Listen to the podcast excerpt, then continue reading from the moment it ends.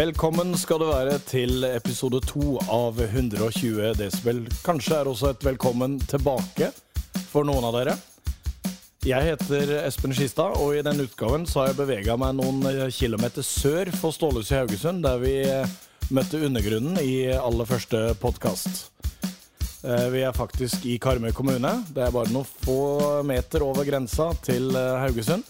Her bor mannen som i hvert fall jeg mener står bak noe av det mest spennende innen norsk rock for tida. Han går alltid søkkefot av scenen, og er kjent som frontfigur i Kindred Fever og Longfield and Superskeleton.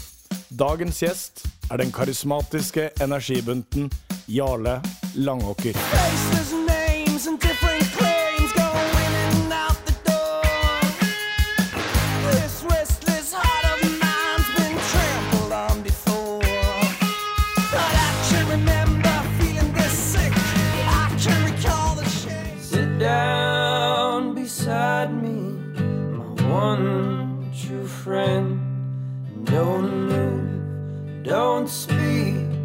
Could we both just pretend?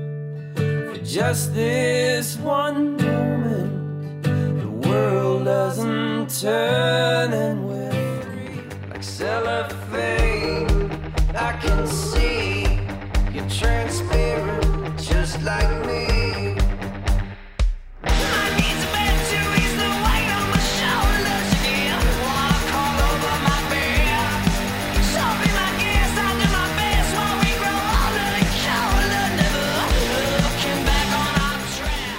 Takk for at eh, 120 desibel får eh, komme på besøk i stua di, Jolle. Jo, sjøl takk for at uh, dere vil komme.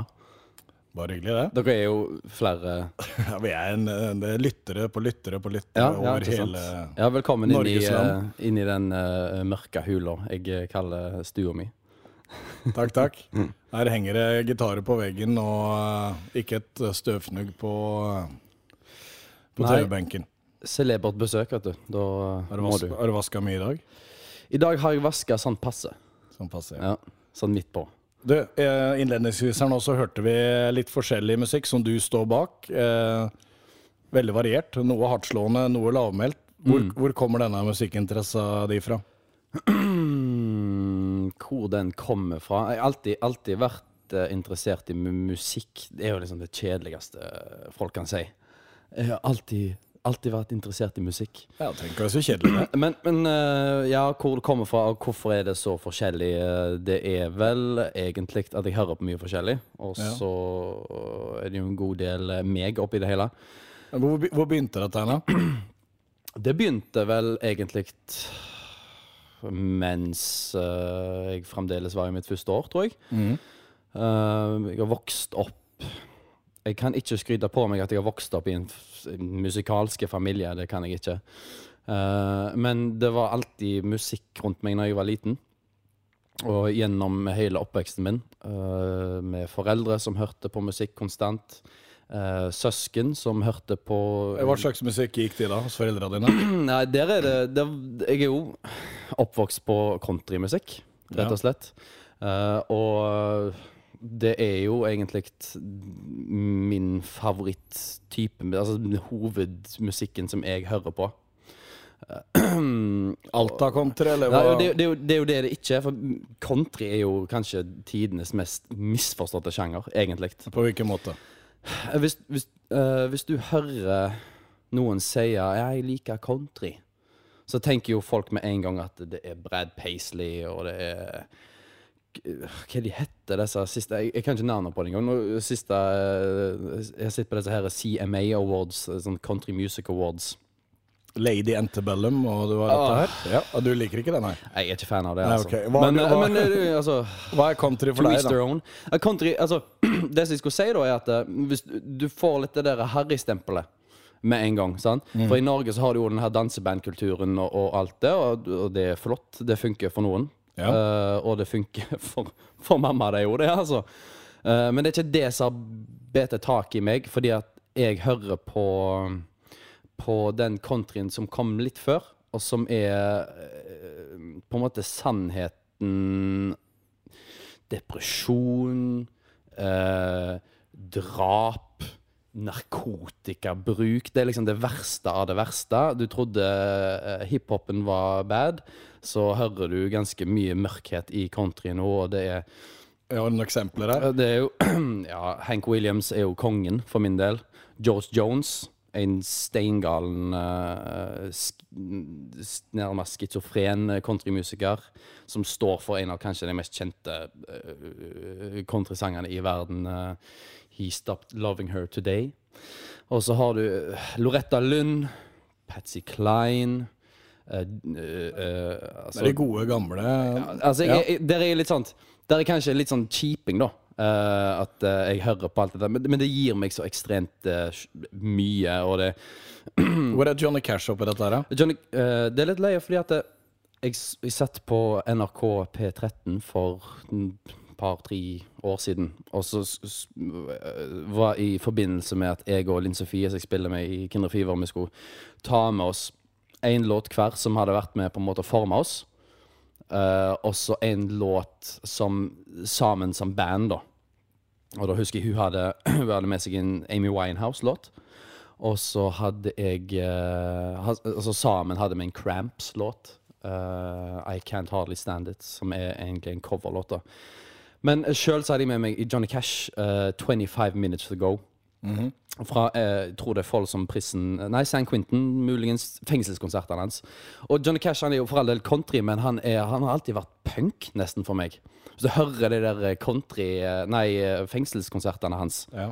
sen 60-tall, eh, etter han har vært liksom, gjennom mye eh, ymse greier. Ja, tenker du punk i musikken, eller tenker du hele figuren eh, altså, Johnny Cash? Punk er det egentlig at det er jeg, jeg, jeg føler at punk er to ting. Jeg føler punk er Du kan si at noe låter punkete, at det er en punkete låt.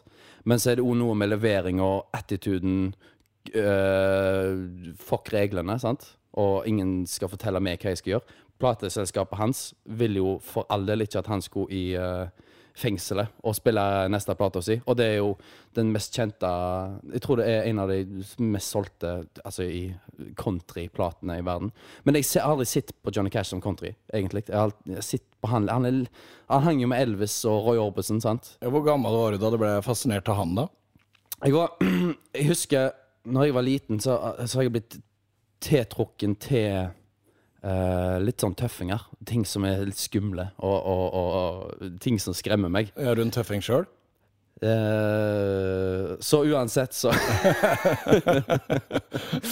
Nei, men Jeg kan, eh, jeg, jeg, kan- være en tøffing, jeg, men, eh, men jeg husker, jeg, jeg husker ikke hvem som spurte meg. Jeg ble intervjua en gang, og så, så snakket litt om det der sånn attitude og eh, rebelsk og sånn som det. eh, og rock'n'roll-attitude og alt det der greiene der. Men hva er egentlig det? Jo, det er jo egentlig det å stå opp for underdogen. Stå opp for uh, de som er blitt gjort urett, og snakke mot noe. Det er jo ikke å være en drittsekk og, og en, være en kjiping, rett og, slett. Men da husker jeg i hvert fall at uh, jeg hørte på, mye på Johnny Mamma de hørte på Johnny Cash. Og, uh, og så fortalte de meg liksom at ja, han her, han, eh, han hadde ikke du fått lov å vært, eh, vært med. Og talte fortalte meg på den måten da, liksom, at han var ikke en, eh, var ikke en streite kar, da. ja, det, ble en sporete nysgjerrighet. da. Ja, og, og, og, da, og da, fortalte, da, fortalte de meg eksempel om hva denne 25 Minutes To Go handler om. Sånn, og det er jo en sang som, hvor en kar teller ned til han skal bli hengt. Eh, og du har mange andre Tenk å stå i et fengsel og, og, og synge disse sangene sant? Til innsatte som kanskje sitter der for livet. Og jeg har spilt i fengsel et par ganger sjøl. det, det, jeg tror Ja. ikke det hadde vært uh, Ja, altså, ok. Hvor, hvor, hvor var dette hen? spilt, uh, Jo, jeg har faktisk spilt i to fengsel. Ok. Uh, og jeg hørte på denne her episoden din med Undergrunnen, at de har jo jaggu meg De ble jo, de ble jo forma, rett og slett. Ja, det ble, Som en sånn en step-in til fengsel. Eh, nei, jeg har spilt i Haugesund fengsel under noen sånne Røde Kors-greier for lenge siden. Det er sikkert ti år siden. Og så spilte jeg uh, i et høysikkerhetsfengsel uh, sør for Stavanger. Nå husker jeg ikke hva det heter, det fengselet der. Da spilte du med Da spilte jeg med Longfield Superskelten. Ja, Hvordan var det å spille i fengsel? Det var, de blir jo behandla som unger, sant? Når du er der inne. De, de, de, på, på hvilken måte? Jeg husker spesielt det første gangen vi spilte. Eh, da var det med ungdomsband, et ungdomsband som jeg spilte i. Og så spiste vi pizza med de etterpå. Det var liksom sånn et Og da snakket de til de sånn eh, eh, Ja, nå må dere være takknemlige for at de kom inn og spilte for dere. Sant? Skal dere si takk nå?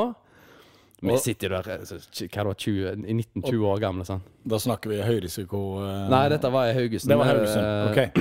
Nå vet ikke jeg kategoriene på dette Nei, det fengslene. Nei, så Hva var det vi snakket om? Vi snakket om countrymusikk med. Vi snakker om Det kan vi heller snakke om uh, enn meg, altså. Ja, men Det er derfor jeg er her, for å snakke litt om deg. Nei, men bare ta bare Bli litt ferdig med den. Altså, hvordan, hvordan ble mottakelsen? Hvordan uh, gikk dere inn på scenen på en annen måte, eller bare uh, når, når, vi, når vi spilte nå med Superskeleton, så, så var det ei litt annen vibbe. Uh, og det ble ekstremt godt tatt imot. Det ble jo show, da. Men du, du har jo ikke den samme responsen. Jeg er jo vant med å Altså, jeg er veldig sånn Hvis jeg står på scenen, så må jeg på en måte kjenne det at vi er sammen om dette. Meg og publikum, bandet da. De folka ellers som står på scenen. Ja. Vi skal komme, til, komme tilbake til det. Men uh, jeg liker ikke å føle meg som en sånn showdog. At nå skal jeg underholde dere. Og så, for du ser mange band som, som kommer på scenen, og så, så gjør de seg til uansett. Ja, du vil ha en samhandling, er det Du det? vil ha en, jeg vil i hvert fall det. Sant? Og jeg står gjerne på rekkverket og holder meg i hånda til andre. Og, og er med i publikum. Jeg vil på en måte være oppi de. Spesielt med superskelten. Det er litt vanskelig å gjøre med gitar på over skuldra med Kinder Fever og, og sånn. Og det, den får du ikke i fengsel. sant? Der satt, ble de satt rundt bord, og så hadde de en kopp med Twist på uh, hvert bord. sant? Så det ble jo en annen greie. Uh, dette var i sammenheng med at trommisen i Oi, Superskelten, han, eh, han uh, har et studio nede i, på Dale ut forbi eh, Sandnes som heter Color Sound. Og de gikk sammen med Røde Kors, tror jeg det var. Og så var det noe som heter Nettverk etter soning. Eh, så da vi, vi spilte inn i sånne samleplater, da, noen sånne type Rogalandsband. Og så hadde vi eh, liksom inntekter rett og slett for det som heter Nettverk etter soning. Så da hadde vi en eh, sånn en fengselskonsert i tillegg, og så hadde vi en konsert på Tau eh, i Tau scene i Stavanger dagen etterpå. Det var en opplevelse, det, altså. Noe annet. Og når Ja, det kan kan jeg tenke meg. skulle gå inn, så hadde jo din uh, bassisten Han hadde jo glemt at han hadde sånn en tapetkniv i sekken som han Den kunne den ikke ha med seg. Fikk ikke lov til det. Nei, det kan du lure på hvorfor. Eh, men litt tilbake til det vi snakka om innledningsvis. Eh, Musikk, hjem, country. Når begynte du å spille et instrument? Jeg hadde, hadde lyst til det hele barndommen. Hver gang eh, broren min eller søstera mi Hvis de var, ikke var hjemme, det dikterte hvor jeg gikk og hørte på musikk. sant?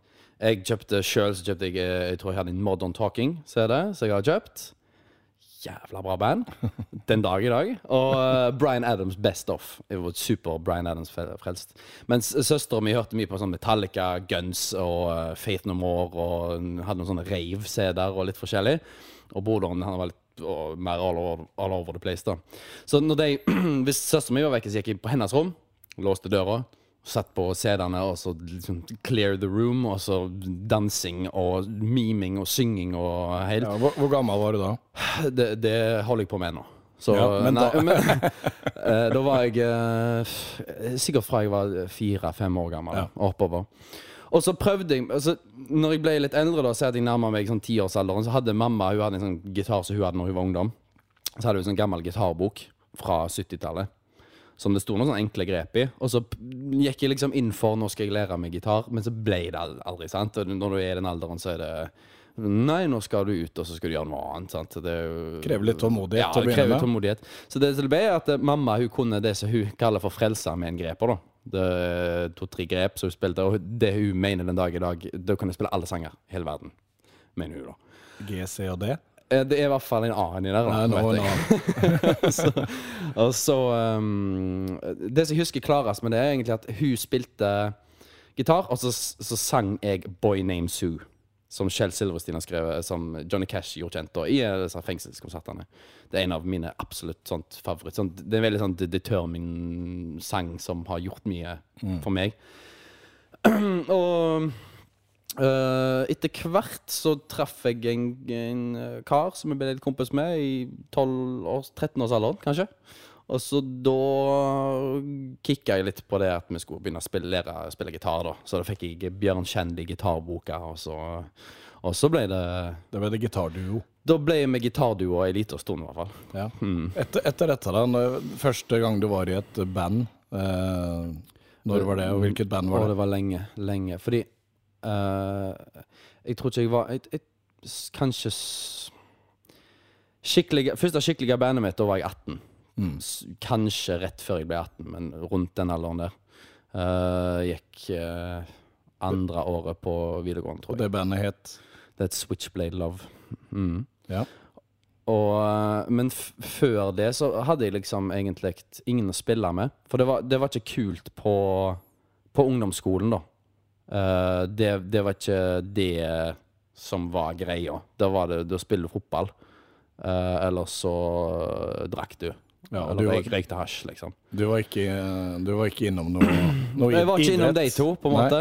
Uh, hadde en heit sommer som keeper, faktisk, i femte klasse. Ja. Eh, utenom det, så har Etter det så eh, gikk, tok det slutt, det. Så jeg, jeg var egentlig sånn Jeg satt jo egentlig mye Jeg satt bare og øvde jeg, i tre år på ungdomsskolen. Jeg var liksom ikke en av de kule classic-type mobber for uh, isolert, egentlig tilbaketrukken. Uh, Ja, mobber, hår i ansiktet. Mobber før, altså, på hvilken måte, hvor lenge, altså Nei, det, det, det var det, det, det var egentlig hele ungdomsskolen. Jeg ble rett og slett bare hengt ut. Og et offer for ryktespredning, og det ble ganske heavy ei stund, husker jeg, hvor jeg rett og slett bare på en måte forsvant inni meg sjøl. Og du, du kan liksom se det òg. Jeg har sett bilder av meg sjøl fra åttende til niende, hvor eh, du liksom Plutselig til niende så har jeg blitt en sånn en hår i ansiktet-type, da. Men da hadde, jeg, da hadde jeg skateboarding, da, som jeg eh, på en måte gikk til. Så det, det var det alt dreide seg om på ungdomsskolen for min del. Uh, skata mye alene, egentlig. Og så etter hvert så fant jeg noen andre plasser. Tok bussen til Haugesund. Uh, var fryktelig imponert av Martin Menzoni. Var med han av og til og skata. Uh, så det var kanskje redningen min på den fronten der. Ikke musikk, egentlig. Var, Martin Menzoni er en kjent skikkelse i Haugesund, både musikalsk og vel uh, Og skater Ja, og men, men for meg da så var det absolutt skatinga som jeg var imponert av. Han spilte i et band som heter Bitcha på den tida, Mm. og det var altfor heavy for meg. Jeg satt jo hjemme og hørte på Nirvana og Weezer. Så det ja, men den, ja, men Ta det da, den musikken du snakka om punk tidligere, Nirvana, Weezer og Kommer dette gjennom eh, hvor- oppdager oppdaga du den musikken her? det, det er jo det som er litt Fordi uh, det er noe som jeg har blitt litt mer klar over i, i, i senere tid, og gjennom sånt når folk har spurt meg i intervjuer og sånn, og det er Når jeg uh, ja, Nå skal jeg utlevere meg litt, men, men eh, eh, når jeg gikk i 8.-9. klasse, var 13-14 år gammel, så, eh, så var jo eh, P2P, altså fildeling, ei stor greie. Så jeg, vi lasta jo ned Dere lasta alt ned mulig. ulovlig? Om vi lasta ned ulovlig, ja. Oi, oi, oi. Oi, jødda. Eh, og da lasta jeg ned skatevideoer, da. Masse skatevideoer. Flipp Flip og Slaughterhouse, Pigwheels og eh, Osiris. Alt mulig. Og det er så mange Eller ikke så mange, men mye av musikken som er i de filmene der, som har vært med å forme min musikk. For når jeg var rundt den alderen der, så oppdager jeg det som er på en måte det som tilhører meg, og det som er min musikk. Som jeg ikke har fått fra søsken eller eh, kompiser eller uh, mamma og pappa. Sant? Da var det Ramones, og det var Sex Pistols, Misfits. Grey Matter, Red, Fact nei, Red Faction, sier jeg. Det, det tror jeg er et spill, faktisk. Men The Faction. og uh, litt sånn forskjellige sånn punketing kom inn i bildet der for disse her, Uh, og David Bowie. Og i disse Jimmy Hendrix. Eller har vært den store Hendrix. Uh, Men, men tror du at i tillegg til at det var interesse, at dette var en reaksjon på den motbøren du hadde fått på ungdomsskolen, eller? Et opprør? Ja, eller? for du, du får en Den musikken ga meg på en måte alt. Uh, når eh, Det er jo outsidermusikk på mange måter, sant? Spesielt for meg på Avaldsnes i 2003-2004. Ja. For, de, som ikke bor i Haugesund, Avaldsnes er da på, i Karmøy kommune, Ja. ut, utenfor Haugesund. Ja da. Og Nabo, men det, jeg tror, Tore Aresnes det er vel en av de mer kjente plassene på Karmøyen, egentlig. Ja, det er det jo i forhold til vikingtida og eh, kong, kongsgård og sånne ting. Vik- på- er Vikingene filma der ute. ja, ja. Ja, ja, ja. På Bukkøy. Ja, ikke sant? Uh, og det, det på en måte det, det Akkurat som det tok meg litt i hånda og sa liksom at dette er greit. Det er greit at du er sånn som dette. Og det ga meg kanskje mer ryggrad å være Å høre på den musikken og på en måte feede av det. Og, og, og lese og lære om alle disse her som spilte i alle disse bandene, hvordan det hadde vært for deg. Og se at oi, de hadde det ikke så kult, de heller, når de eh, vokste opp uh, på den kanskje sosiale fronten. Andre kommer kanskje fra eh, broken homes, men det gjør nå ikke jeg, da. Ja, så da, i, I motsetning til på skolen, da, så fant du noe du kunne relatere deg til? Mm. Det var det jeg gjorde. Ja. Uh, og det har jo vært med å forme hele meg dag, den dag i dag. Uh, og det har hjulpet meg kanskje Jeg skal ikke si at uh, jeg, på, mobbing er på ingen måte en bra, bra ting. Nei, Men det kan- kanskje det hjelper deg å bygge en karakter av og til, altså. Og, Mm. og på en måte eh, ikke alltid få den klappen på skuldra at alt du gjør, er så supert. Ja. Heller, heller kanskje det siste der enn at du skal trenge å bli mobba for det. Jo, ja, men du Ja, jeg altså, misforstår meg rett her på en stor måte. jeg skjønner hva du Eh, mener. Nå er jo jeg lærer, så Ja. det er jo forferdelig, selvfølgelig. Men jeg, eh, ja. Ja, men du, du kom deg gjennom det, og, øh, og fant deg sjøl litt grann, øh, gjennom musikken. ja og, så, og så begynte jeg på ungdomsskolen, og da treffer du jo andre folk med en gang. og så eh, traff jeg eh, det som da til slutt ble dette her Switchblade Love. da. Ja. Mm. Hvor, hvor øvde dere hen? Vi øvde uh, Vi øvde i kjelleren til trommisen, Felix Rudi. Som uh, jeg har mista litt kontakten med, men han spiller uh, nå i hvert fall noe som heter MKs Marvelous Medicine. Ja. Jeg tror de vant Spellemann De vant vel i eh, bluesklassen eller noe sånt, Spellemann? Ja. Ja. da. Uh, drittøft. Men der, der fikk dere lov å øve. Der var det litt sånn fri Fri Ikke fritt, men, men mora hun hadde nede hun, hun, hun mener hun maler. Eller malte, i hvert fall. Hun holdt på med noe kunst, i hvert fall. Og nede der som hun holdt på med det, da, der kunne vi rigge oss opp. Det var liksom sånn, litt sånn uh, dingy kjeller. Uh, med fliser og, og, og Altså, det var ikke den beste klangen der inne, for å si det på den måten, for et øvingsrom. Men der kunne vi bråke hele dagen, og vi fikk aldri en klage. sant? Så deilig. Og det holdt vi på. Det, det er jo det på en måte vi Eller jeg lærte meg å skrive sanger. Og nesten alt av det er jo spilt inn, for samtidig som jeg begynte med det bandet der, så begynte jeg å på en måte i det små med å og så lære meg med, med innspilling og sånne ting. Så det har på en måte Det bandet der, selv om jeg kanskje Jeg er jo ikke akkurat stolt av det vi har lagt i det bandet der. Men jeg har gått tilbake til det senere tid, og hei, den låta der, den kan jo faktisk bli noe, den, da. Eh, Ja, men det, Dere var unge, og dere fikk jo faktisk litt uh, lokaloppmerksomhet her i, i pressen i Haugesund. jeg Ja, syns ja, det, gjorde jo det. jeg syns jo det er veldig øh, rart, men, det- men det, det hadde kanskje noe med Kanskje det hadde noe med det at vi hadde kanskje en vilje Noe med en finger i været og kanskje ikke hadde lyst til å gjøre det som alle andre holdt på med. Da, jeg husker på den tida der, så var det jo metal det gikk i i byen. Og Haugus Karmøy. Det var øh, øh, metal, metal, metal. Så vi gjorde jo noe litt annerledes der. Vi var jo Nirvana, Alison in Chains frelste. sant? Pearl Jam, all grunge-greier. Ramones. Og. Første konserten med denne gjengen her, da. Eh, Det, det er sant.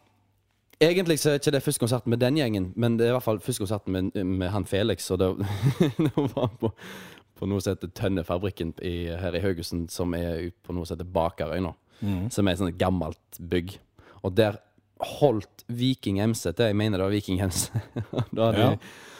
et band som han spilte i, da, som jeg fikk liksom synge i. Jeg fikk være med og, og, og, og teste og være med i dette bandet her. Og da var jeg bare som vokalist.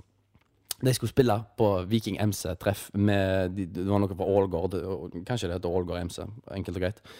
Så da spilte vi jo for Jeg var 16. Spilte med konsert. Første konserten min eh, hadde jeg uh, Motorhead-T-skjorte, liksom skikkelig kledd meg. uh, passe- passe inn i Ja, nå skulle det, være, Ja. skulle det være rockekonsert, sant? Uh, og jeg mener vi faktisk varmte opp for Xenomorph. Jeg er rimelig sikker på det, og Xenomorph er jo et kjent metal-band. Eller kjent metal-band, eh, i hvert fall i Haugesund. Fra Haugesund, ja. Så, øh, og jeg er jo ikke så ekstremt bevandra i metal-Norge, sånn sett. Men så, hvordan ble en gjeng med tenåringer mottatt av bikere etter konsert? Eller under konsert? Vi spilte jo Sex Pistols-cover. Anarchy in the UK. Eh, det er den første gangen jeg noen gang har sunget på en scene. Og eh, Var du nervøs? Kan du, kan du huske det? Jeg, jeg, jeg, tror, jeg tror ikke jeg var så nervøs. Jeg tror mer det var Endelig. Nå. Nå. Jeg var bare klar for bare pow, Ja. Liten tass. Enda mindre enn deg nå, if you can believe that. Og kom ut og reiv i gang med denne. For dette var egentlig et instrumentalband. Ganske kjedelig. Det var liksom sånn poprock-sanger, men så var det Ja, var, var det du, du som foreslo at du skulle kjøre den, da, eller? Ja, ja. Siden du, det var Ja. du som var inne i punken? Ja da, det var jo det. Og så hadde vi én sang sjøl òg, som uh, handla om Som jeg hadde skrevet noen tekster som handla om å sitte på et fly, eller et eller annet sånt type sånn veldig sånn enkel. Um, og de tok jo helt av, disse her bikerne, når uh, det var Sex Pistols. Og jeg husker jeg kom hjem Jeg tok bussen hjem etterpå. Ja. Uh, siste bussen hjem. Måtte, fikk beskjed om det. Må komme rett hjem etterpå.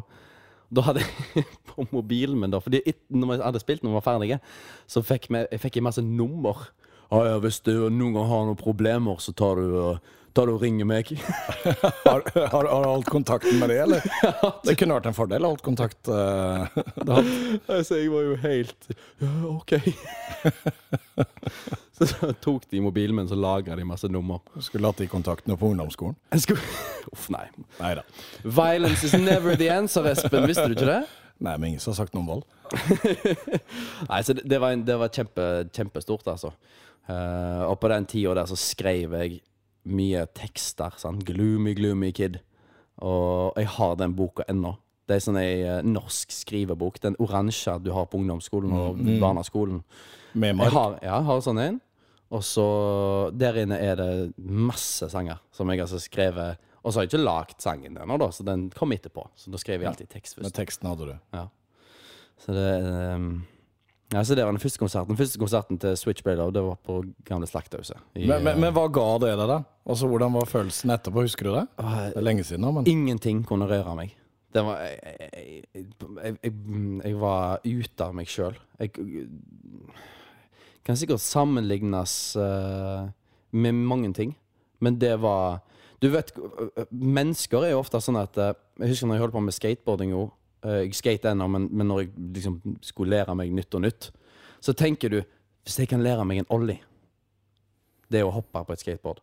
Hvis jeg bare kan lære meg okay. det, så er jeg happy. Da er jeg fornøyd. Da kan jeg gjøre det. Da kan jeg underholde meg sjøl i en evighet med det. Mm. Så lærer du det, og så Hvis jeg bare kan lære meg en kickflip Hvis jeg bare kan lære meg en 360-flip kickflip for oss som ikke har peiling på dette var- Eh, Da får du ta opp mobilen som du hører på nå, og så får du skrive inn på Google, så får du gå på kickflip. okay. Nei, da spinner du brettet rundt, da. Ja, det, ok. Um, ja, da er isbilen er jo forbi her. Også. Ja, det er koselig, det. Uh, og sånt er det jo med musikk òg, sant? Uh, hvor det eneste ønsket jeg hadde Hvis jeg bare kan skrive en sang, én sang, så er jeg happy. Da har jeg gjort Da har jeg fått til det som de som jeg hører på, har fått til. Jeg har skrevet en sang. Hvis jeg bare kan spille én konsert Hvis jeg bare kan spille en konsert som har 100, 100 stykker publikum Hvis jeg kan spille en konsert som har 200 sant? Så du, du går jo hele tida der, men akkurat da, akkurat i den uka etterpå der, hadde jeg liksom oppnådd hva jeg Den store drømmen min. Jeg hadde stått på en scene, folk hadde klapt, jeg hadde vært sinte, fått ut alt aggresjon som har bygd seg opp de siste fire åra? Og gjort noe som jeg visste at ingen av de andre som slengte med kjeften og hadde de flotteste, og dyreste, hippeste klærne på ungdomsskolen, og som rakka ned på ditt og datt Ingen av de kunne gjøre det. sant? Det var noe som jeg gjorde. Og det gjorde jo ekstremt mye med sjølfølelsen min. Og Ja. Det, Ja, ja og så- og så kan vi gå litt videre. Når, eh, innledningsvis her nå, i den introen der vi hadde spilt litt forskjellige låter som er innblanda i, så hørte vi blant annet eh, Kindred Fever. Eh, fortell litt om det. Det, det kom Jeg og Linn Sofie begynte i eh, 2012. Så det er ikke så lenge siden, egentlig. Nei. Og det ble egentlig et sånt resultat av at uh, det begynte å bli nok med ungdomsbandet, sant? Ja. Uh, Var det en overgang, eller var det Det var, en, det var en Jeg begynte med Kinder Fever mens jeg fremdeles spilte i det andre. husker ja, jeg. ja. Men så var det så mye sant Vi, begynte, vi, ble, vi var ikke ungdommer lenger på den måten. Jeg, jeg, jo, jeg følte meg jo selvfølgelig som ungdom ennå, men når du blir litt eldre, er- det så kanskje noen som har lyst til å så drive på med det mer enn andre, og så ble det sånn type krangling og dill og dall, sant? og så fikk jeg jo nok. Og så visste jeg om Linn Sofie, Uh, for hun hadde spilt i et sånn type postrock-band. Sa, sa du fulle navnet, eller var det jeg som ikke fulgte med? Linn Sofie? Hagen Olsen. Ja.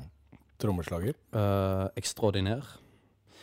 Og um, jeg visste om hun uh, og jeg tenkte Jeg kan ikke helt huske hva jeg har tenkt uh, angående hun, men jeg hadde sett henne spille med dette Nami som hun spilte med. Uh, kjempetøft band. Og så hadde jeg egentlig tenkt ganske lenge og skulle spurt henne. For jeg og, jeg og Dean, uh, som nå spiller i Superskeleton, vi hadde sånn et sideprosjekt i tillegg som type var uh, eh, Type vi spilte inn eh, i studio, og så slapp vi, det- ut på Soundcloud, og så var det ferdig. sant? Det var ikke, det var ikke en ekte band, men vi hadde lyst til at det skulle bli det. Ja. Og da snakket jeg hele tiden om jeg, jeg vet om ei som spiller trommer. Trommiser kommer ikke på rekke og rad, altså. Spesielt ikke på sånne små plasser som Haugesund og Karmøy. Men så ble jeg aldri det. Og så hadde jeg en uh, kjæreste på den tida som var fotograf. Og fotografer uh, som type holder på å lære seg og sånne ting, det vil jo ofte ha uh, modeller i hermetegn. Så hun hadde spurt Linn Sofie, da, som jeg tror kanskje hun kjente litt fra før av, om hun kunne stille til noen sånne bilder. Og jeg tenkte yes! Supernaturlig måte å bare finne litt ut av ting på. Så da, når hun skulle gå og ta bildene, så, jeg, så sa jeg det at eh, Kan ikke du bare høre om hun savner å spille litt, og om tror du, og bare fiske litt i om hun kunne tenkt seg å gjøre det igjen. Så kom jeg tilbake. Ja, ja, hun savna visst det. Og da sendte jeg en sånn lang melding. Jeg tror det type Facebook-melding det kan være en SMS òg. Lang melding hvor jeg liksom solgte det skikkelig og bare Kan du please eh, tenke deg å spille med meg? Jeg har alt utstyr. Trommer, gitar og Du trenger bare møte opp, liksom. Kunne du vært interessert i det? Og så venta jeg en evighet. I hvert fall det som virka som en evighet. Et par dager. så svarte hun ja, da. Og jeg ble jo liksom helt eh, på sida av meg, for endelig, nå skal jeg spille med noen andre. Nå, eh, noe som kan bli et band. Eh, så vi hadde den første øvelsen vår ganske tidlig, type februar det året. Og det var første gang vi traff hverandre. Vi hadde aldri snakket sammen før. Vi hadde aldri truffet hverandre. Og, altså, jeg har jo vært samme plass som henne, men aldri, aldri snakket med henne. da Var det kjemi uh, umiddelbart der, da? Vi satt jo og prata en evighet, sant. Ja. Eh, og fant fort ut at vi hadde ganske type like eh, smaker. Men senere har jeg funnet ut at vi har veldig ulike smaker på mye forskjellig musikk som egentlig er superbra når du er i et band. Uh, Men, det, men dette her tok jo av ganske bra. S- Spellemannnominerte. Ja. Uh, spilt på Roskilde. Bare fortell litt uh, rundt Jeg vet ikke helt hva som skjedde der, men det som, det som um, Hvis jeg hører på meg sjøl synge før der, så er det et eller annet som ikke er ferdig med stemmen min. Men akkurat når jeg begynte med Kyrne Fever, så har på en måte akkurat som stemmen min kommet litt fram. Og han har akkurat som gått opp på en oktav, eller hva han gjør alle dager som har skjedd. Um, og da kom det egentlig mye mer modne låter. Og jeg fikk utforska mye sånt langt mørkere sider av meg sjøl. Jeg er veldig uh, interessert i uh, mørke uh, ting, rett og slett. Ja. Som blir representert i det bandet der veldig mye. ja, mørke ting som for eksempel, siden du, siden du nevner. Okkulte ting. Uh, religion. Uh, spesielt type ja, Nå skal vi nerde her, altså, men Ja, ja. eh, kristendom og jødedom og, og um, type alt eh, du skal bøte for når du forlater denne verden. Har du le er lest kjempe- mye rundt uh, temaene? Ja, ja jeg, har, jeg, har det, jeg har det, altså. Eh, Det er noe som jeg syns er vanvittig spennende. Paradise Lost, Divine Comedy av Dante. Bibelen har jeg lest mesteparten av. Det er meg på lørdagskvelden, da.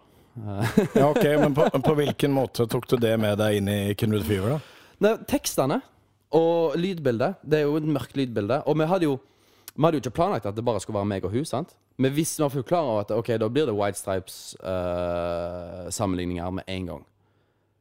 Men så var det noe Ja, med for det, at, det er en duo der. Blei det, ble det sånn, eller? Hæ? Blei det Ja, det det ble jo det. Ja. Men så er det på en måte, hvordan skal du deale med det igjen, da? Fordi det var ikke det som var tanken vår. altså. Men jeg, jeg syns White Stripes er drittøft, jeg, altså. Uh, men det er ikke det var ikke det vi gikk etter, men det bare klikka så godt mellom meg og hun. sant? Kjemien mellom mann og dame, gutt og jente. Du har ikke de samme um, områdene kanskje alltid som eh, du Som du bryr deg mest om, som gjør at du får gnisninger. Det er jo ikke et forhold igjen, sant? Vi er jo inne i dette som et band, ikke som et, et par. Det blir jo gnissinger i et par, sant? Men i en, i en mus, mus, musisk eh, musikersituasjon, eller hva vi skal kalle det, så fungerer det ekstremt bra. Vi har aldri hatt noen krangler, vi har aldri hatt noen store diskusjoner. Hvis en ikke vil gjøre noe, OK, men nå gjør vi ikke det, da. Ferdig med det. Men vet du hva? Da tror jeg rett og slett vi skal høre hvordan det fungerer, det som fungerer så bra. Da kjører vi Kindle Fever her nå.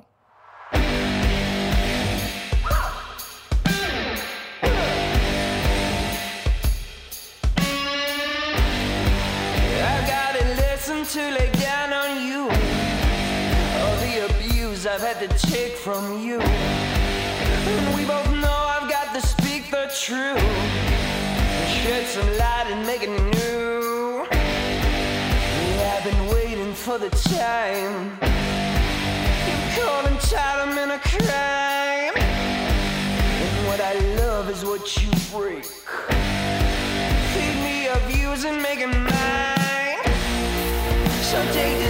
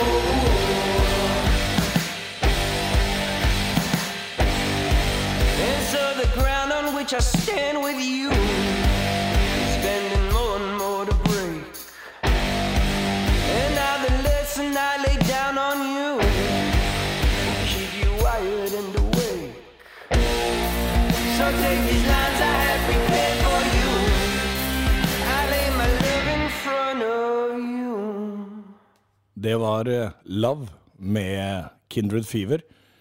Eh, fortsatt eh, aktuell. Altså, du har jo i det seinere tid holdt mye på med Longfield og Superskelton, som vi kommer tilbake til. Men eh, Ja. Kindred Fever, er, eh, denne låta ny, da? Denne er ganske ny, ja. Ja. Låta i seg sjøl er kanskje ikke så ny, men uh, vi slapp den nå for en måneds tid siden, i mai.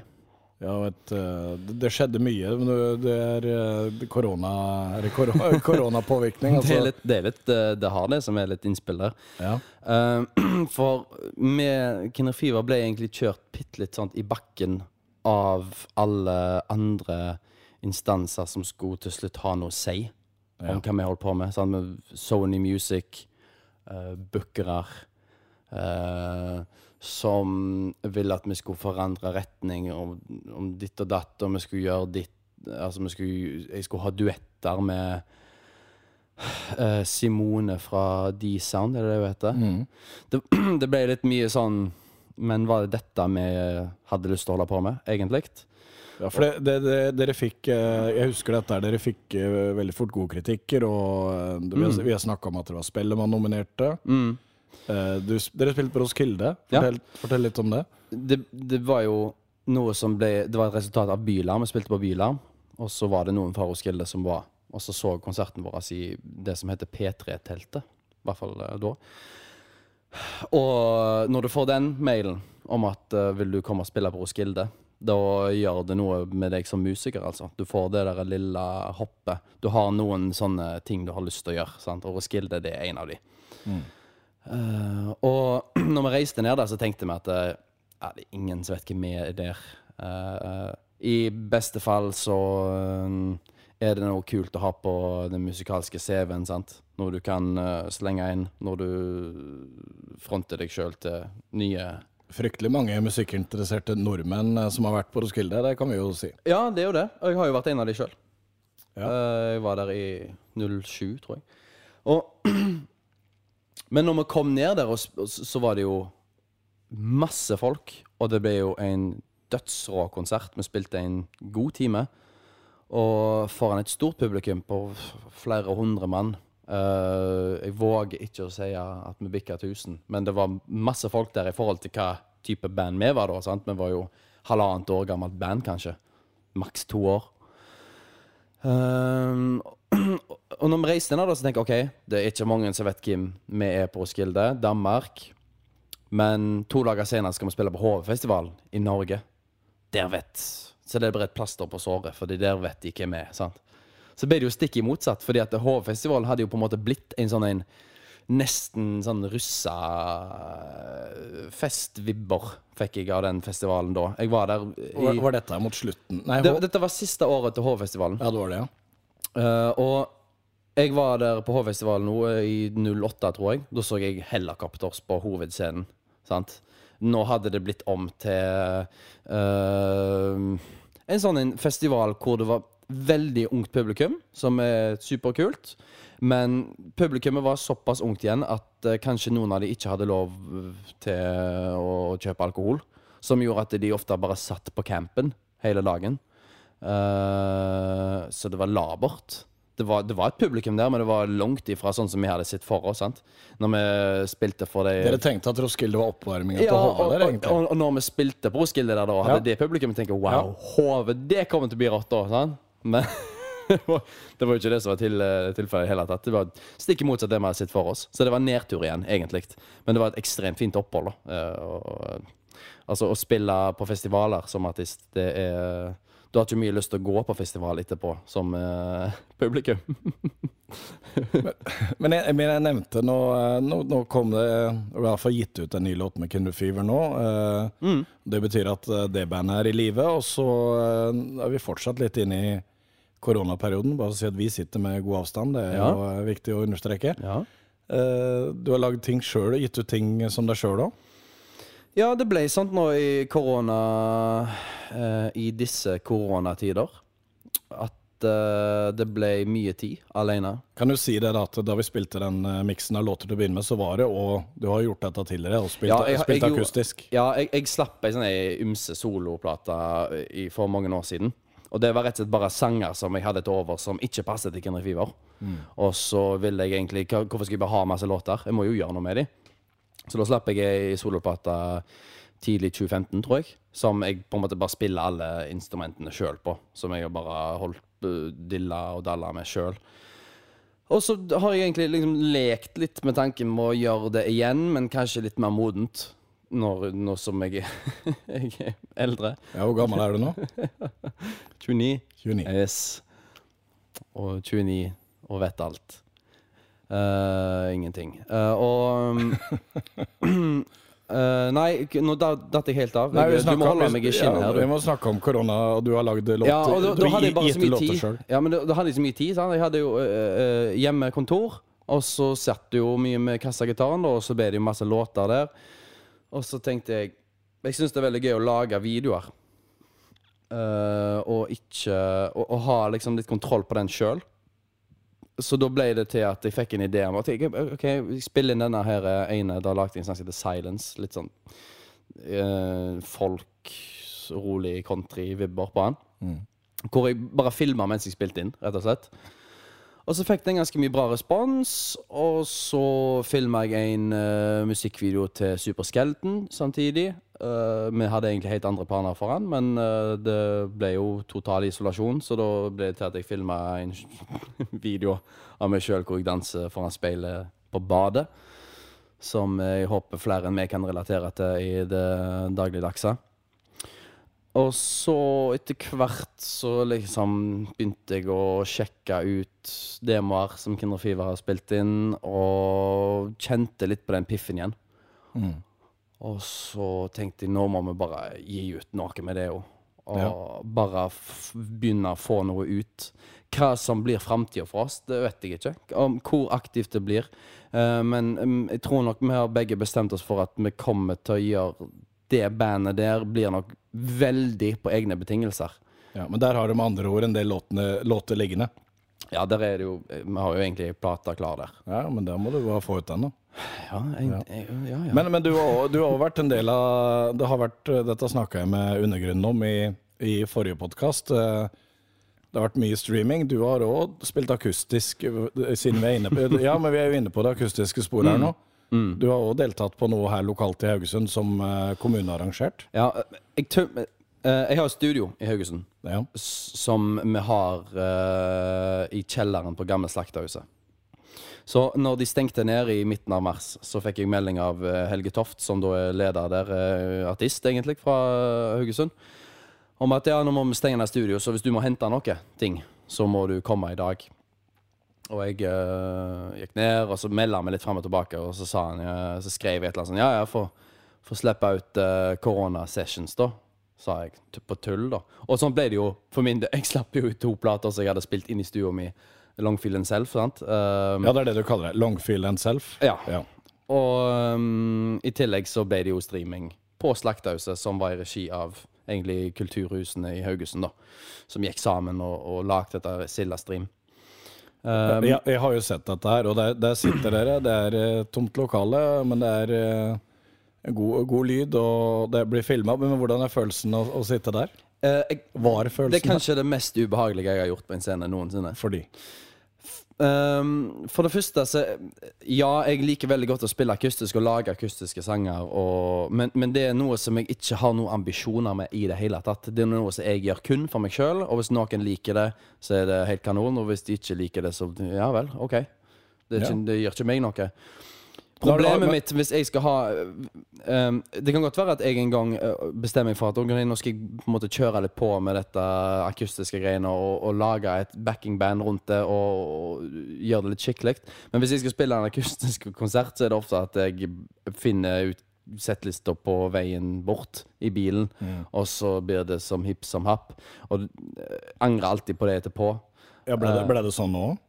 Det, det var jo litt sånn nå, sant? Eh, og når du da har tre kameraer foran deg istedenfor publikum, og så får du beskjed om at det snakk til det kameraet, da må du se i det kameraet. da blir det veldig fort Da får du den der litt plastikkfølelsen med en gang. Ja. Du kikker ned i bakken isteden. Ja, og jeg er, jeg er ikke en Jeg er en veldig tilbakeholden person eh, rent sosialt og sånt. Men jeg er ikke det nødvendigvis på scenen. Da er det akkurat som jeg på en måte slipper noe fra meg.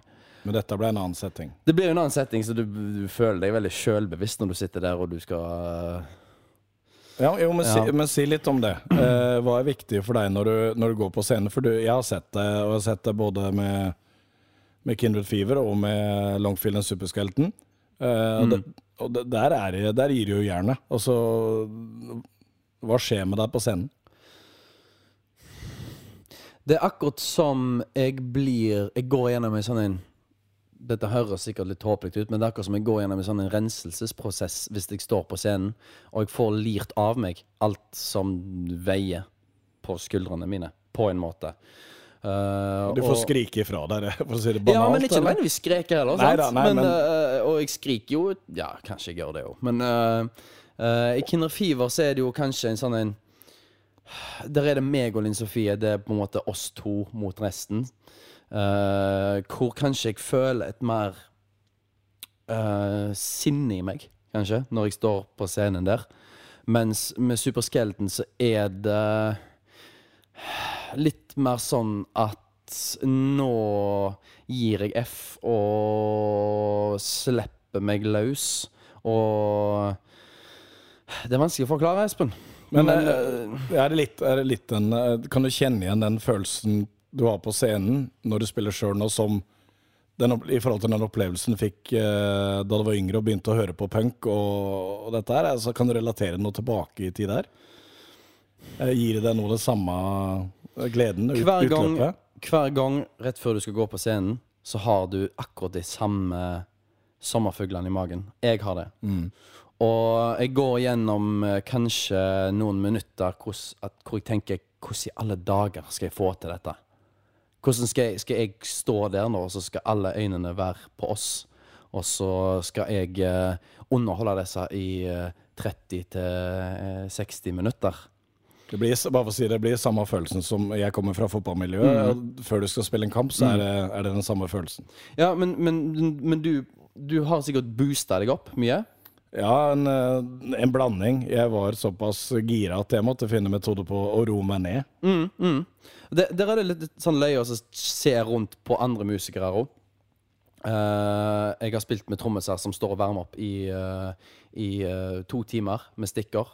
Mens eh, eh, for eksempel Børge i Skambankt, før han går på Det er trommisen i Skambankt. Han sitter, tar seg ei pils, og så slapper av. Og så Å, skal vi på scenen nå? Og så er det opp. Og så er det spiller, og så leverer han jo et Så bare Shit, altså. Ja, han er vanvittig dyktig. Og det, det, det, I forhold til det du sier der, jeg tror jeg så det var Lydverket den gangen det gikk, så var det en uh, 20 minutters reportasje om trommisen. Jeg tror det var Mayhem, det kan hende jeg tar feil, men jeg lurer på noe Mayhem. Og han drev jo og Det var yoga og stretching og styrketrening og tøying, og det var, det var, det var som en idrettsutøver, da.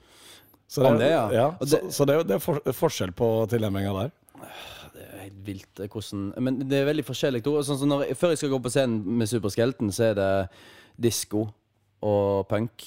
Og så danser vi og, og har det løye og ler mye og har den greia der. Mens før en Kinder Fever-konsert så er det mer ned på stemning.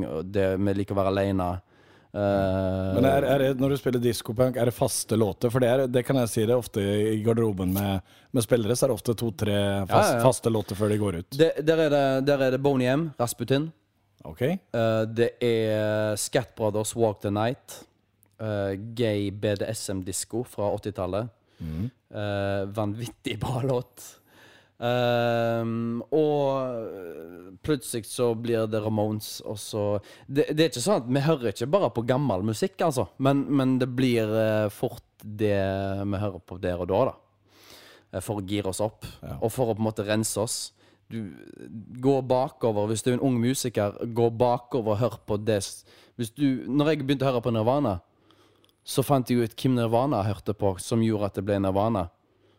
Og til lenger bak du kommer, til mer kan du egentlig kanskje finne din egen identitet.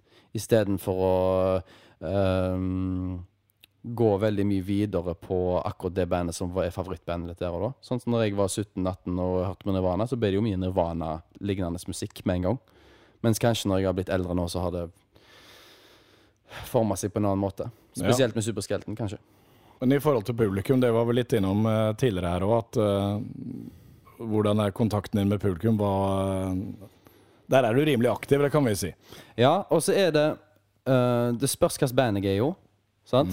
Når jeg i Lins, meg og Linn Sofie på scenen, så må jeg av og til deale med uh, gutter og mannfolk som står på første rad og har lyst til å få oppmerksomheten til Linn Sofie. sant? Ja.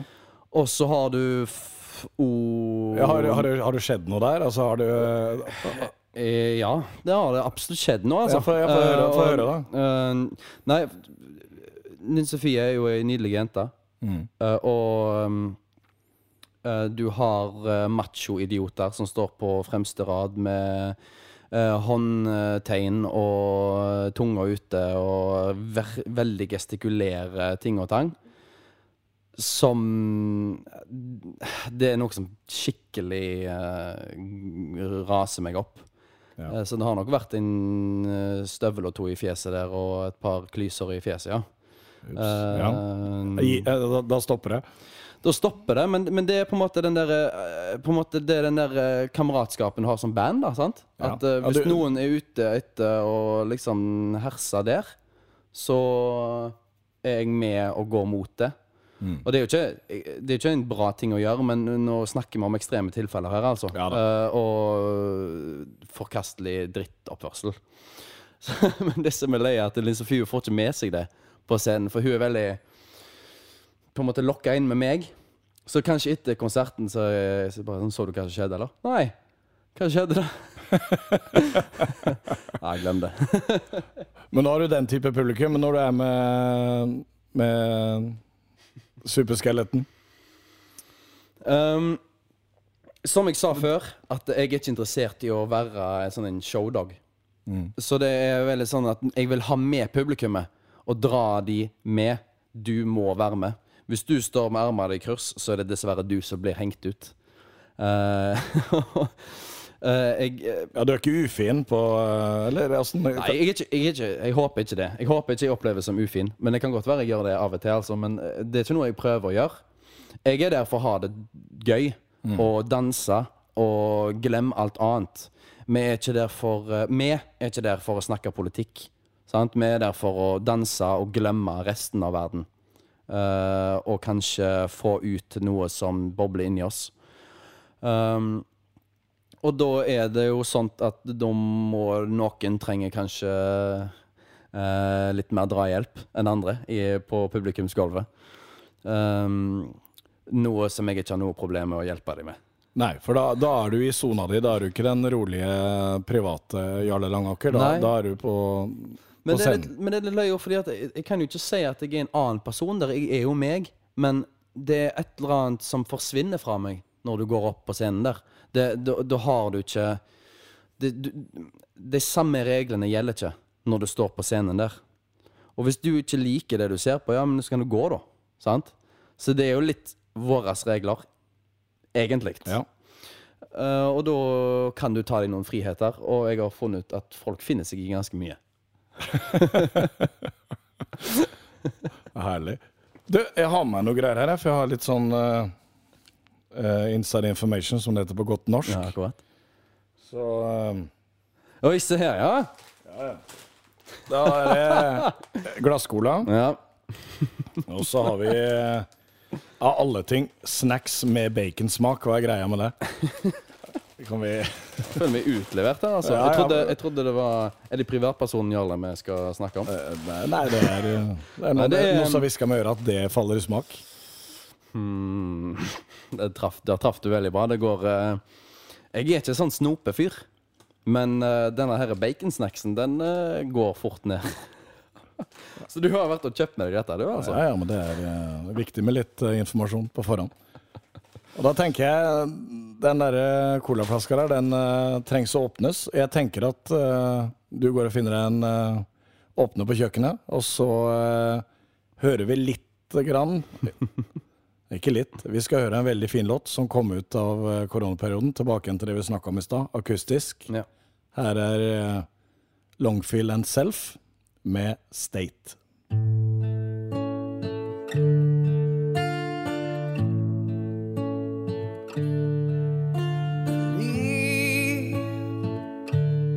Down the line. Throw yourself away. There's slots left to assign. Make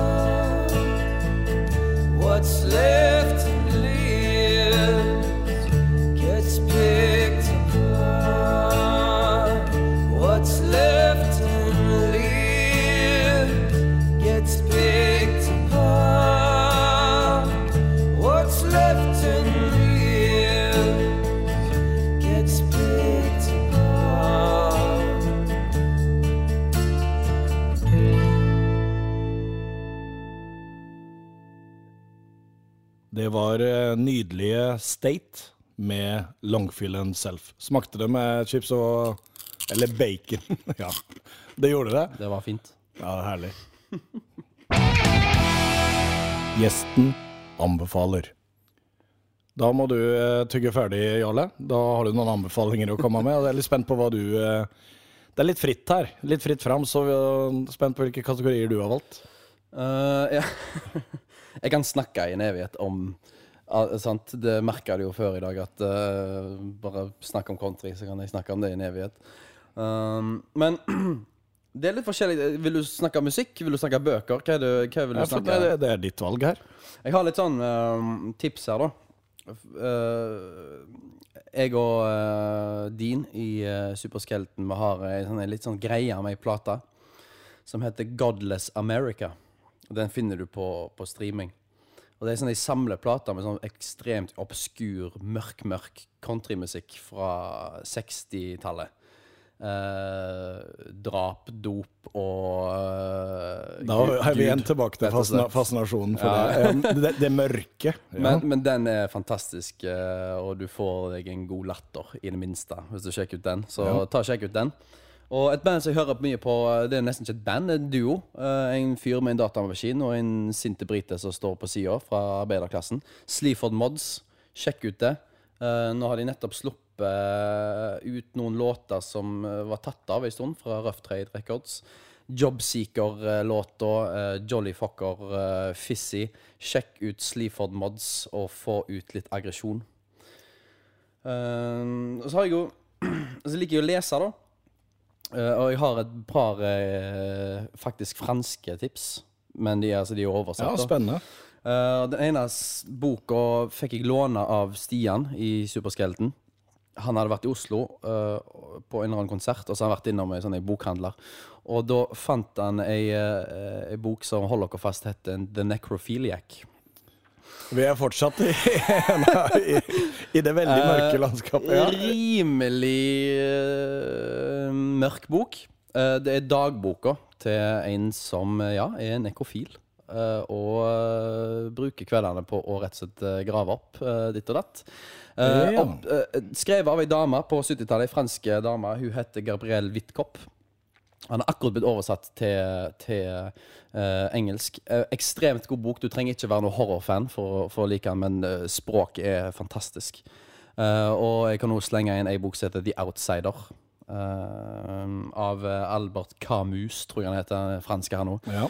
Handler om en fyr som er mye alene. Tankene hans uh, Så skjer det noe på ei strand en gang. Han blir slengt inn i noe eh, som han ikke forventa.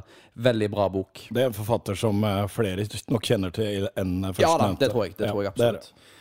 Ehm, og så er det sånn at jeg um, kunne ha anbefalt mye kredible greier her akkurat nå. Men jeg tar heller å nevne et par filmer som jeg er veldig glad i. Det første er egentlig en kan, Du kan vel egentlig kalle det en, en komedie. En, kanskje en sånn litt mørk komedie. Den heter God Bless America. Altså ikke Godless America som Plato var, men uh, God Bless America, som handler om en middelaldrende mann som er dritlei av uh, uh, hvordan eh, verden går, utnytting av mennesker på TV og alt kulturen vi har endt opp i, og ender opp på en roadtrip med ei uh, 15-16 år gammel jente som har samme synet på ting, og ting skjer. Veldig morsom film, satt veldig på spissen.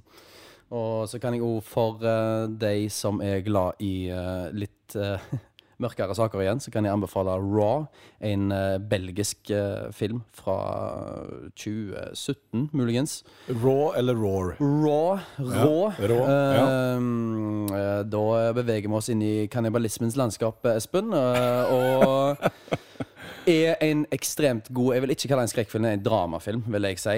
Uh, med mye metaforer, kanskje, men ekstremt Ja, Var det den eh, det ble så mye oppstuss rundt, ja, det, forresten? de markedsførte den jo som at og denne kasta folk opp av når de ja, satt i ja kinosalen. den, det husker jeg sto mye om i media. Ja, og så til slutt så Jeg er jo veldig sånn tilbakeholden på Jeg er jo stor horrorfan. Mega horrorfan. Men jeg er ikke noe sånt Annabelle Insidious. Det det er ikke det som fenger meg. Jeg er litt særere greier. Uh, ikke for å være noe snobb, men jeg, jeg, jeg syns det er gøy med horrorfilmer. Jeg liker noe som er over the top, eksempel, så du kan litt le av. Eller noe som faktisk er fælt, som du kjenner på kroppen. Uh, jeg klarer jo ikke å å eh, se et dyr bli skada en gang. Så jeg, jeg er jo langt ifra sånt i virkeligheten. Jeg forstår ikke hvorfor jeg liker det i filmsjanger igjen. Eh, Men eh, så gikk jeg jo sånn på kino til slutt, og, i introen så så jeg at han er belgisk, ja. OK, dette kan jo faktisk bli bra. Og det var en sinnssyk opplevelse.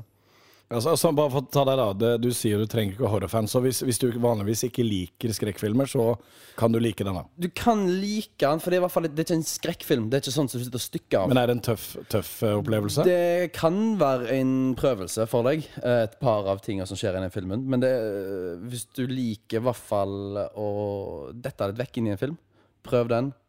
Og ikke tenk for mye om meg etterpå. Herlig. Takk skal du ha. Ja. Da har eh, lytterne fått eh, noe de kan sjekke ut, hvis de har lyst til det. 120 desibel. Da har vi eh, fått konstatert at Kindred Fever er eh, høyst oppegående.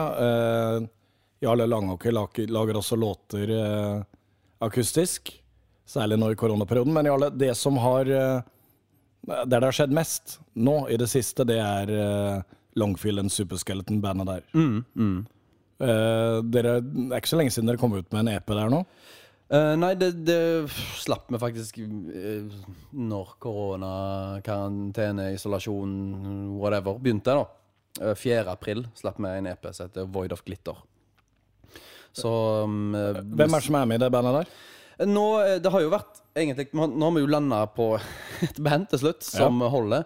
Det har vært uh, litt forskjellige trommiser igjennom, og et par gitarister og litt sånn. Uh, nå er det Christian Sjøtun fra um, Hummersåk som spiller trommer. Og Stian Golden, opprinnelig fra Halden, som spiller gitar. Uh, han bor i Haugesund nå, da. Og eh, Sveinung Kallevåg fra Haugesund, han spiller gitar.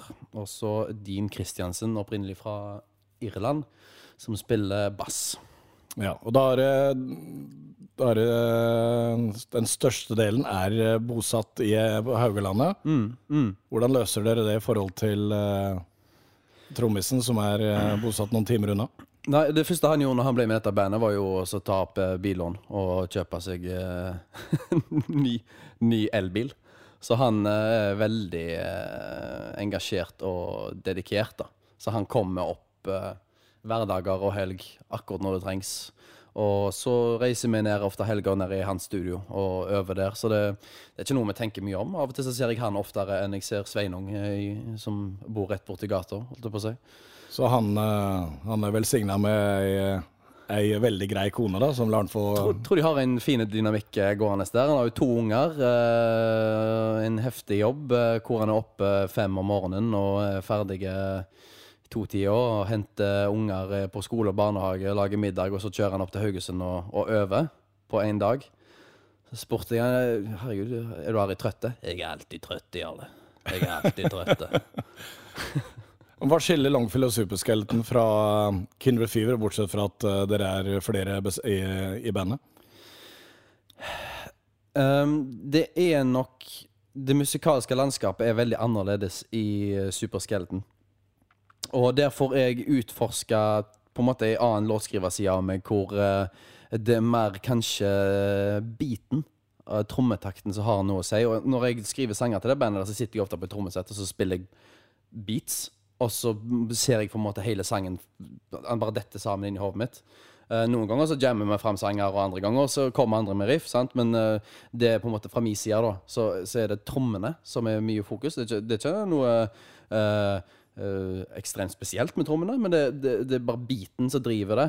Um, For hovedinstrumentet ditt er gitar, men du lager veldig mye på trommene først.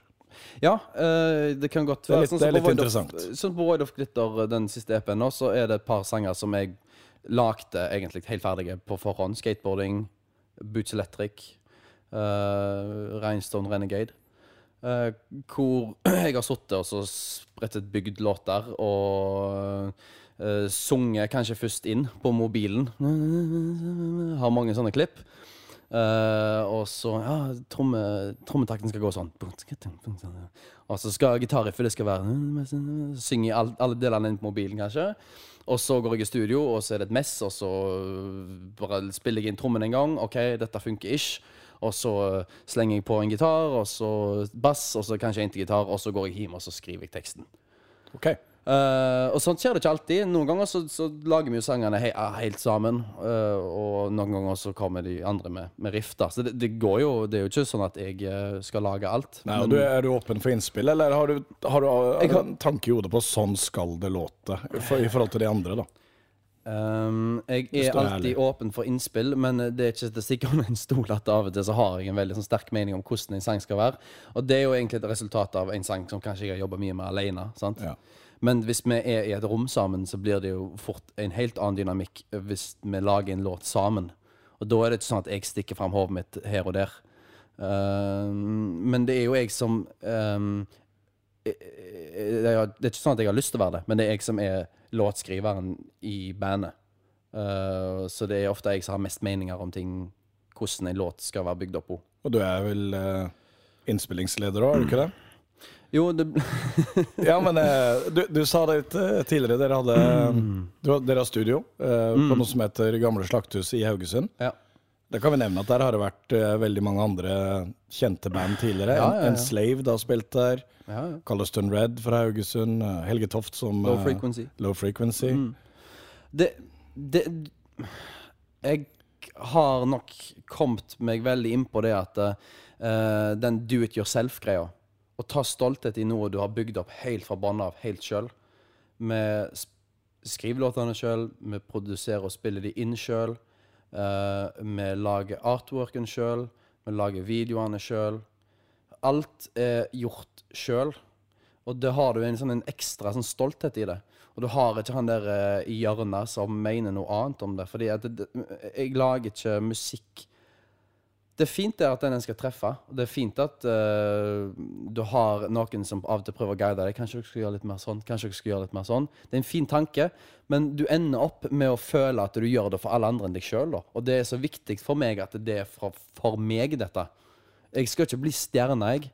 Men jeg, jeg skal gjøre noe som slipper noe ut av meg sjøl. Og så, det må bli gjort på våre betingelser, og ikke på noen andre sine. Så det å spille det inn sjøl er en ekstremt stor frihet. Og du, en ekstremt fin kreativ prosess hvor du sitter som band og du bare nerder på mikrofonplasseringer og, og hvordan det skal påvirke hele sangen og sånt. Det, Ja, ja, det var, ja, ta det. Er, er, er, du, er du nøye på det? Nå har jeg sagt her litt grann at her er bare for de som Du kan jo ingen se her, men eh, dette er ikke et rock'n'roll-hjem der eh, Jack Danielsen ligger på gulvet og eh, ølboksene flyter overalt. Her er det strøkent. Er du sånn i studio òg, i forhold til når du skal ja, det, det, er veldig, det er veldig stramt der. Ja. Jeg kjører et tøft regime.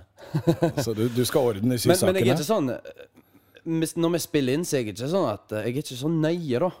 Jeg er ikke sånn som står med målebånd og sånn. For jeg har aldri gått på skole for å lære meg å, å, å holde på med innspilling. Så det har jeg bare prøvd og feila tusen ganger, og så har det funka én gang. Sant? Ehm, så når vi spiller inn, så må det sånn Kom an, nå. Spill nå, spill nå, spill nå. Få, det gjort, sånn at vi kan mikse dette så er vi ferdige. For du er jo relativt ferdig med ei låt allerede egentlig når du begynner å spille den inn. Da er du rimelig lei den av og til.